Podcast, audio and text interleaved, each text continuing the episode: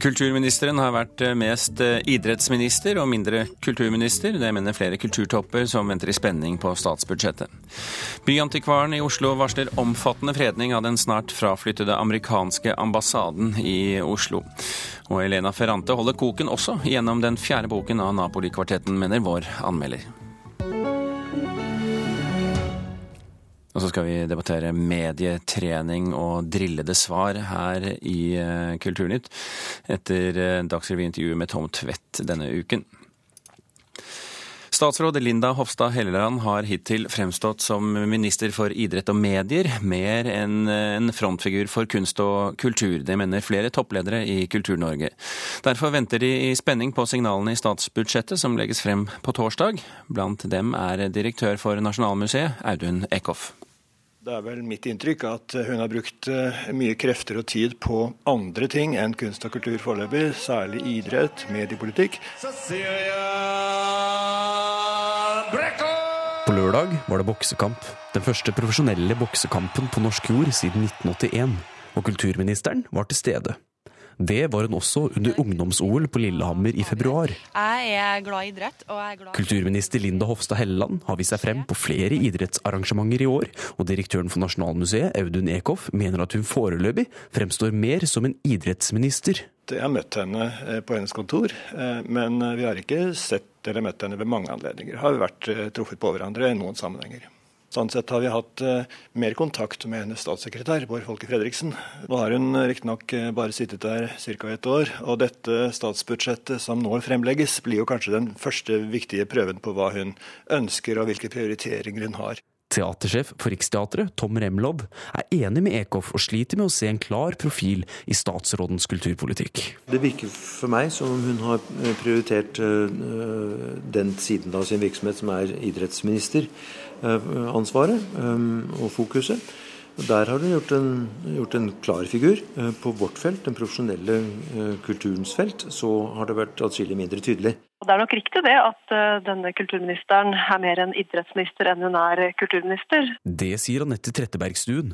Hun er kulturpolitisk talsperson for Arbeiderpartiet. Det er bra eh, at vi har en tydelig og klar idrettsminister som er til stede eh, for idretten. Eh, men det skulle bare mangle. Det som er Problemet er at hun er lite til stede og mener lite og sier lite om hva hun vil i kulturpolitikken. I disse dager er kulturministeren i Vatikanstaten for å delta på en idrettskonferanse, og hun rekker nok ikke fly hjem før statsbudsjettet legges frem på torsdag.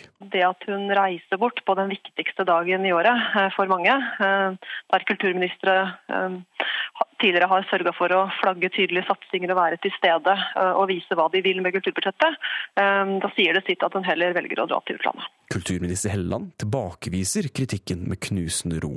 I Kulturdepartementet så har vi gått gjennom alle de aktivitetene og arrangementene som jeg har vært på siden jeg ble utnevnt. Og hvis vi da tar vekk møter og høringer og konferanser og den slags, så har jeg deltatt eh, fem på fem ganger så mange kulturarrangement.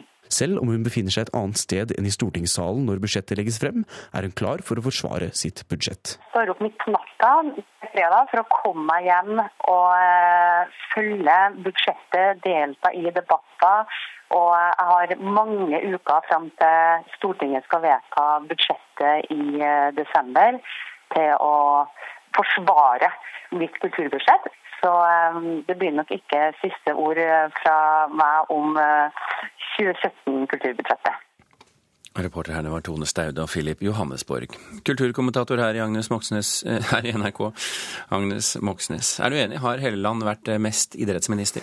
Hun har iallfall absolutt markert seg mer som idrettsminister enn som kulturminister. Og hun har jo rett og slett gjort en veldig god jobb i den rollen. Eh, både når det gjelder åpenhet i, i, innenfor idrett, norsk idrett og doping.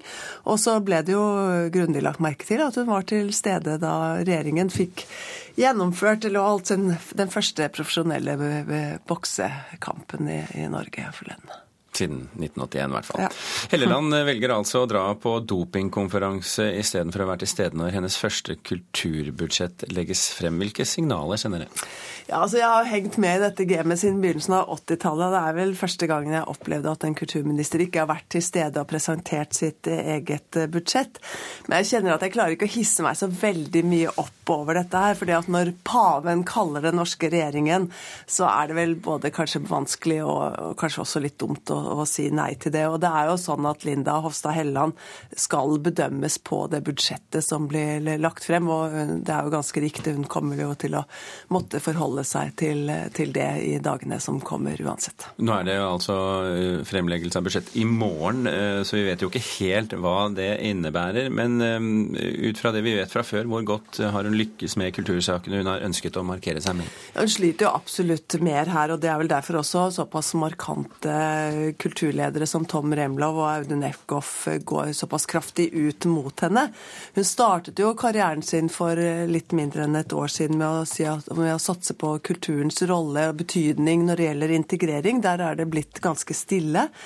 Eh, det er vanskelig å iallfall så langt å få øye på visjonen hennes for det, for det profesjonelle og etablerte kulturmiljøet. Og så syns nok ikke jeg, i motsetning til Audun Eckhoff, at hun heller ikke har vært så veldig på hugget når det gjelder den mest kompliserte og krevende saken i hennes portefølje akkurat nå, nemlig eh, mediene.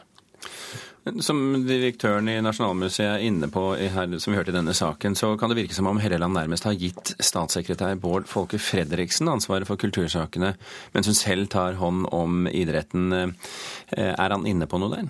Ja, altså Bård Folke Fredriksen er en flink eh, statssekretær, men det sier jo absolutt noe. Han har jo helt rett. Vi hører jo stemmen til, til, statssekretæren oftere nå enn vi har gjort før. Eh, så det sier noe om, om hvilke prioriteringer statsråden gjør. Hvilke forventninger har du til uh, dette kulturbudsjettet i morgen? Jeg tror vi kommer til å se en mer markedstilpasset uh, kulturpolitikk. Jeg tror ordet kulturindustri kommer til å dukke opp. Altså kultur paret med næring. Og så tror jeg at regionene kommer til å bli et hedersord i, i dette budsjettet. Særlig kanskje når det gjelder Kulturrådet og, og kultur og næring. Og så kommer det til å ligge noen snubletråder i dette budsjettet som kan få deler av kulturlivet til å vende seg mot den sittende kulturministeren. Litt å diskutere i dagene fremover, med andre ord. Agnes Moxnes, eh, takk for at du orienterte.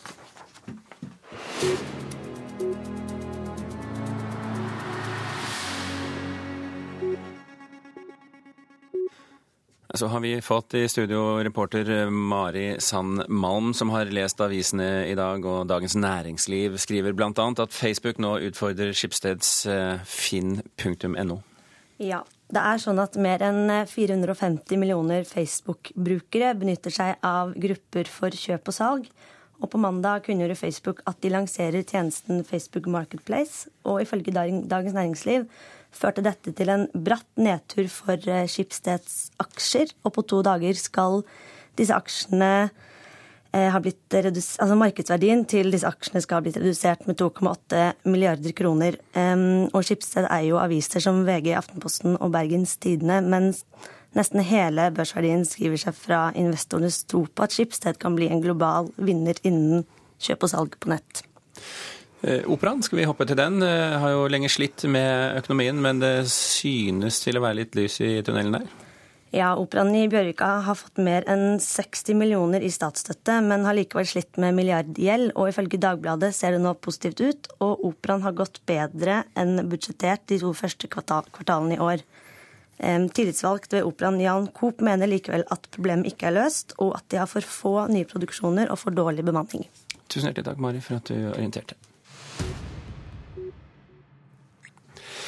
På nyåret så flytter den eh, amerikanske ambassaden fra Henrik Ibsens gate ved Slottet og opp til Huseby vest for Oslo sentrum. Den eh, nåværende ambassaden, tegnet av eh, finsk-amerikanske Sarinen, stjernearkitekten Sarinen, den vil bli lagt ut for salg parallelt med dette. Men nå varsler Byantikvaren en omfattende fredning av bygget, både utvendig og innvendig, før noen i det hele tatt kan gå hen og kjøpe bygget. Nå står vi i selve atriet, hjertet i eh, den amerikanske ambassade.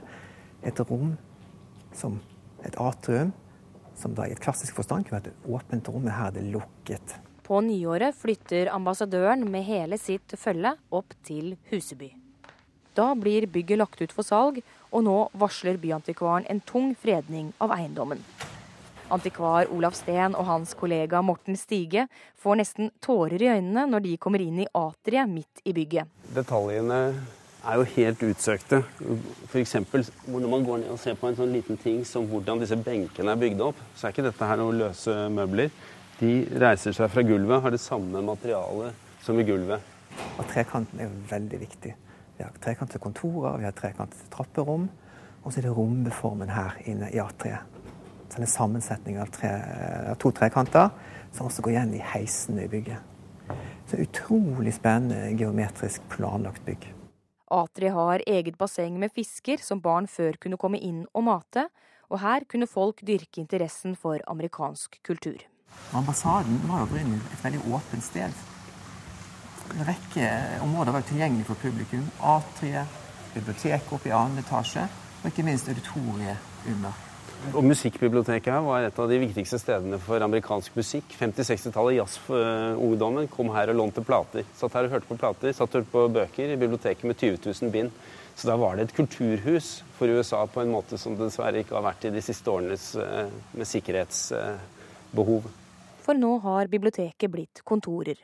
Platesamlingen er borte, og auditoriet i kjelleren er stengt. Og det åpne, varme bygget er lukket for publikum. Likevel, mye er fortsatt intakt. De som overtar bygget kan ikke gjøre hva de vil med det. Det blir jo prosessen videre, for det vil gå på å velge ut hvilke er de viktigste interiørene. En ting er atrier, det er selvsagt, men i hvilken grad skal vi ta med også kontorinteriører? I hvilken grad skal vi inn i detaljene? Noen detaljer er viktige, andre detaljer må kanskje vikes for å få mer fleksibilitet inn i nybruk. Og fasaden? Fasaden untouchable. Den er, eh, den er ferdig. Både Olaf Steen og Morten Stige drømmer om at de som nå kjøper bygget, åpner det opp for publikum igjen. Det er jo et bygg med, med usedvanlig høye kvaliteter, og jeg vil jo tro at den som til syvende og sist ender opp her, det, det vil jo være eh, noen som er interessert i å ivareta og glede seg over disse kvalitetene som er her i dag. Jeg håper det finner en bruk som, eh, som, som ivaretar kulturhustradisjonen. At det er et eller annet som skjer her som, som åpner bygget for et publikum igjen. Reporter i denne saken, det var eh, Maria Nakken. Klokken har passert 16 minutter over åtte. Du hører på Kulturnytt, og dette er toppsakene i Nyhetsmorgen nå. Narkomane trenger hjelp, ikke straff. Det sier helseminister Bent Høie. I dag legger han frem et nytt forslag til Høyres programkomité om at narkomane heller skal få helsehjelp enn bøter og fengsel. Høyre går mest frem, mens Fremskrittspartiet går mest tilbake i NRKs nye partibarometer for oktober. Regjeringens samarbeidspartier går også tilbake og vaker rundt sperregrensen på 4% Likevel er det fortsatt borgerlig flertall på Stortinget. Og minst elleve personer har mistet livet i orkanen Matthew, som raste inn over Haiti i går. På det sterkeste har vindhastigheten vært oppe i over 230 km i timen. Orkanen har også ført til omfattende flom og ødeleggelser. Gjennomtrente svarteknikker som politikere og andre offentlige personer har lært seg, leder ofte til dårlig kommunikasjon, stikk i strid med intensjonen. Det sier eh, redaktøren i Ukeavisa Ledelse, Magne Lerøe. Stadig oftere ser og hører vi svar i offentligheten som er så drillet at de knapt sier noen ting. Et eksempel på det fikk vi denne uken da idrettspresident eh, Tom Tvedt besøkte Dagsrevyen. Nei, vi legger ikke lokk på. Jeg sier igjen, vi har idrettsting hvert fjerde år. Jo, dette, er, du, dette, er, blitt lagt fram for våre medlemmer, som vi har gjort før. Så har vi fått en rapport nå, og nå skal vi se framover. Det skal vi bruke for det som gjør at vi skal være en åpen og dynamisk organisasjon i fremtiden. Men Er det greit da at for alltid vil hefte usikkerhet ved om dere har noe å skjule? Nei, jeg, eh, igjen, vi, vi, forholder oss til den medlemsorganisasjonen vi har. Jeg, men, som, men, men, jeg, jeg dette, som, president og mitt styre Hør på meg. Det. Akkurat de ordene som du sier nå. Jeg, jeg, skjønner at dette er måten dere har blitt enige om å svare på. Men nå spør jeg deg, tenk fritt, og så svarer du på, på mitt spørsmål. Hvorfor tar ikke bare du initiativ til å se og legge fram tallene før 2015 på den samme måten som dere har gjort det før? Hvorfor? Eller har dere noe å skjule? Våre tall igjen, de ligger ute på de tallene man har spurt om. Vi har lagt frem eh, dette som går på Sotsji. Det ligger ute, og vi kan legge det ut igjen. Her hørte du altså Tom Tvedt, idrettspresidenten. Magne Lere i Ukeavisen Ledelse. Er det vi hører her eksempel på medietrening som ikke fungerer helt etter intensjonen? Det virker jo sånn. Eh, jeg kan jo ikke si at han er blitt trent av medierådgiver, men han, han, han er opptatt av å få fram et budskap og hører ikke helt hva hun spør om. Det har vært mye enklere for han å svart presist på det spørsmålet og sagt noe sånn at de har fattet et vedtak i styret, de er ferdig med den saken. Hvis de, hvis de vil eh, ha offentliggjort tallene for 2015, så kan de spørre tidligere presidenter. Og så gitt en eller annen sånn begrunnelse, men istedenfor så begynner han å prate om det han ønsker å få fram. Og da blir det liksom en mismatch i, i kommunikasjonen her. Så, så, øh... men hvis du skal spekulere litt, hva tror du folk sitter igjen med etter å ha hørt dette? Ja, At han har noe å skjule. men det er ikke sikker på om man har det, men, men, men, det kan godt hende at de har vurdert det sånn at det vil være en fordel for idretten at man ikke graver fram alt som ligger fra 2015 og 2014 og 2013. Da er det masse mer mediene vil skrive om. Nå slutter sannsynligvis denne saken. Eh, men uansett er det ikke greit for han å komme godt ut av den situasjonen han står i. Han er jo liksom for tiden hakkekyllingen i idretten, og nesten sånn uansett hva Tom Tvedt sier, så forsøker en eller annen å sette han fast fordi han ikke vil vise denne åpenheten. Og han er, Det virker sånn litt uforberedt på at dette spørsmålet kommer opp nå. for nå dette, jo, dette har han svart på 18 ganger tidligere. Han har forsøkt å begrunne det. Nå trodde han han skulle snakke om den nye rapporten som har kommet, og hva de, hva de akter å gjøre. og så, så, så, så, er man liksom hakk i plata igjen, og så kommer han som ikke ut av det. Og så, og så sier han en hel masse rare ting her som gjør at, uh, han, at det skapes et inntrykk av at han har et eller annet han ikke vil forklare, et eller annet vil, vil, vil si. Det er jo uheldig, da. Klaus Sonberg i kommunikasjonsbyrået Synk, hvordan syns du Tom Tvedt kom ut av dette intervjuet? Nei, det var ikke bra. Det, som Lerus her sier, så, så etterlater et skinn av at eh, det kanskje er noe som eh, de helst ikke vil eh, komme frem med. Men problemet her er egentlig todelt. Det begynner jo med at de har valgt en, en holdning til dette temaet, en, en posisjon på dette temaet, som er veldig vanskelig kommuniserbar. Og, og det andre ja, I hvilken måte da? Altså, de, de, har jo åpenbart en, en holdning til at uh, før 2015, det tilhører et annet regime. Uh, idrettens organ, Idrettstinget, vedtok uh, og reviderte de regnskapene. Og da er det vanskelig for sittende idrettspresident å skulle offentlig eller overprøve det. Det, det, det, det, det er posisjonen deres. Eh, kommunikasjonen eh, er vanskelig fordi eh, journalister vil alltid spørre om, og offentligheten vil ønske å vite hva skjedde før 2015. Og så blir han repeterende på de samme, ikke bare budskapene, men de samme ordene. Og det er veldig lite tillitvekkende. Men er dette etter ditt skjønn en, slags måte han er trent og, og, og drillet i, som, som slår litt feil ut? Ja, Om han er trent eller drillet av en kommunikasjonsrådgiver som meg, eller informasjonssjefen sin, eller som jeg gjorde i morges med kona si, det vet jeg ikke. Det spiller ikke så veldig stor rolle. Kommunikasjonen er... Du drillet av kona di før du kom hit i dag? Ja, jeg sparet litt med kona mi på Hun sa du må for guds skyld ikke forsvare idrettspresidenten. Og det er klart at da har idrettspresidenten et, et, et dårlig utgangspunkt. Eh, men det har jeg lyst til å bringe inn, for det, det mener jeg er vesentlig. den type ting, For jeg har ikke tenkt å henge meg på omdømmeekspert-hylekoret som, eh, som utenfra, uten å kjenne alle fasettene i en sånn vanskelig beslutning, eh, alltid mener at eh, det er eh, dårlig for omdømmet.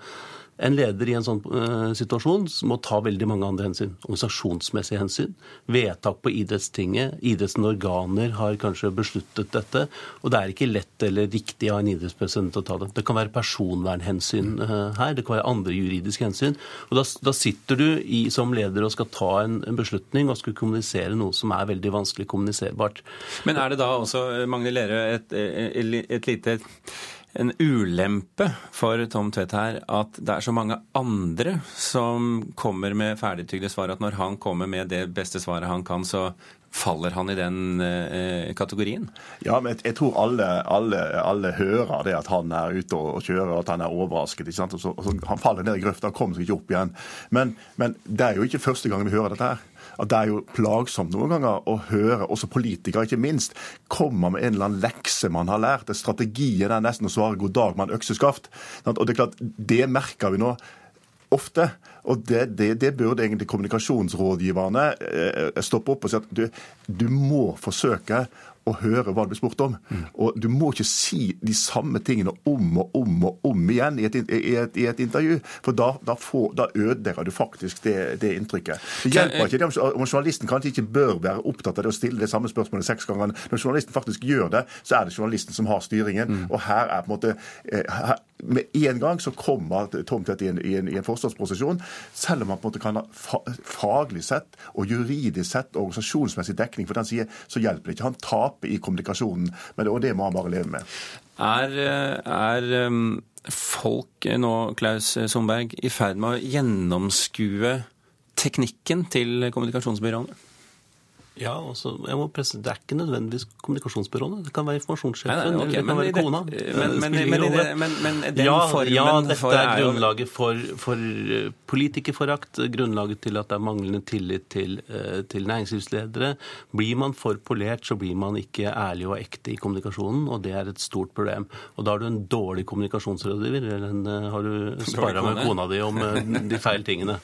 Men hva skal man gjøre, da? Eh, for det første må du svare på det som Lero er inne på. Du hvis du har en eh, det begynner jo, altså Min læremester, Harold Burson, eh, en av legendene i internasjonal kommunikasjonsrådgivning, han sa at kommunikasjon eller PR handler om to ting.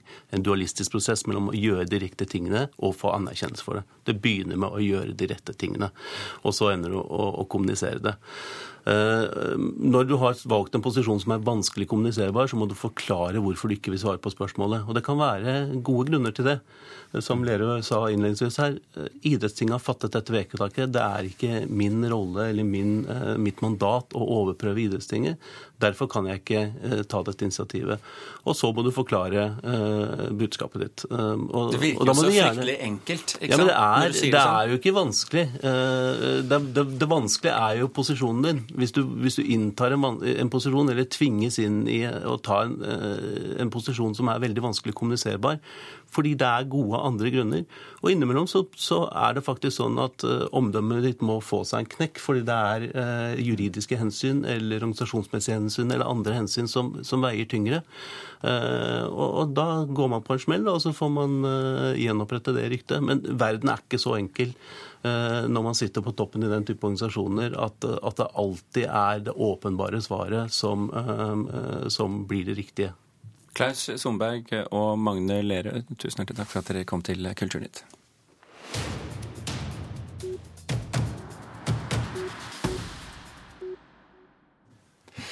Så er det klart for den fjerde og siste boken i Elena Ferrantes Napoli-kvartett. Fortellingen om to jenter som vokser opp i en napolitansk arbeiderbydel på 50-tallet under harde og voldelige kår i, og som vi følger helt til de er modne kvinner i 60-årsalderen i 2010.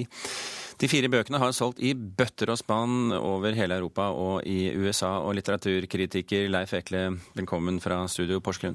Mange takk. Du er nå gjennom alle de 2000 sidene, altså mm. inkludert bok fire. Er du fremdeles Ferrante-entusiast? Ja da, eh, det er eh, eh, Med nummer to og tre så var jeg litt utålmodig og leste dem på engelsk da, sånn ganske tett på hverandre. Og, og, men nummer fire har jeg venta med med vilje. Og nå er jeg, jeg håper å si, igjen entusiast. Nesten like mye som jeg var da jeg hadde lest den første. Hvor er vi i historien når fjerde bind tar til? Ja, Den første delen av bind fire kalles modne år. Eh, og byene, eh, kanskje drøyt nok vil mange synes, eh, i forhold til det å være moden, da jentene, damene, er ca. 30 år. Og det er ikke så lenge før de blir mødre igjen. Ja. Dette er jo en bok med tittelen 'Det fortapte barnet'. Hvem er det fortapte barnet i 'Det fortapte barnet'? Helt åpenbart så er det sånn at et fortapt barn spiller hen på en en begivenhet i boka. En av de mest tragiske hendelsene i hele, hele romanverket. Eh, en hendelse som, som blir helt skjellsettende for, for Lila, eh, altså venninnen som ikke skriver dette, eh, og for resten av hennes liv. Det andre er om og dette er jo tenkning, da, men det, det, er noe mulighet for at Eller det er mye som tyder på at Lila er nettopp det fortapte barnet i denne romankvartetten. Denne unge, denne geniale jenta som, som har alle mulige talenter, mer enn Lenu. Lenu mener iallfall det. Men det er ikke hun som blir forfatter. Hun blir værende i bydelen, og hun blir værende i, i, i voldens og, og kamorraens og, og grep. Da. Holder Ferrante tempo og kvalitet gjennom alle 2000 sider? Ja og nei. Eh, jeg syns at eh, ja, Svaret er egentlig ja. Eh, men, men, i bind to og tre så og, og Hun er tilbake sider. på sporet med bind fire, er det det du sier? Ja, altså, hun er på sporet hele veien, men det er nok. Det er nok i bind to, og kanskje særlig bind tre. Mm. Det blir veldig mye, og, og, mm, det kunne nok vært redigert ned en, en god del uten at kvaliteten hadde tatt seg. På den andre sida er det mye historie her. Lenu skriver jo, eller skal jo skrive denne historien, og hun, og hun sliter jo med, med, det, så vidt jeg forstår, å skrive biografisk om noen som er i, i levende. Og så har vi nå hørt at Elena Ferrante Vi visste jo at det var et pseudonym. Nå har vi hørt at det kanskje er en oversetter eh, med et navn og en familie og hus og Er vi i samme, er samme problematikken innenfor og utenfor boken? Eh, ja, det er vi nok. Det er vi nok. Eh, det er mange det, det, kommer tidlige referanser til det å skrive, det å være forfatter, og hvordan man forholder seg til virkeligheten rundt seg. Eh, og det er nok sånn at Ferrante eh, ønsker å problematisere dette. Og at dette kan være en grunn til at hun har valgt å være anonym, altså at hun vil stå utenfor den historien hun forteller. Du hører at vi er på i ferd med å runde av her, Leif. Takk for at du leste Ferrante for oss, som du sikkert hadde lest uansett. Gjermund Jappé, Birger Kolsrud Aasund, takker for følget.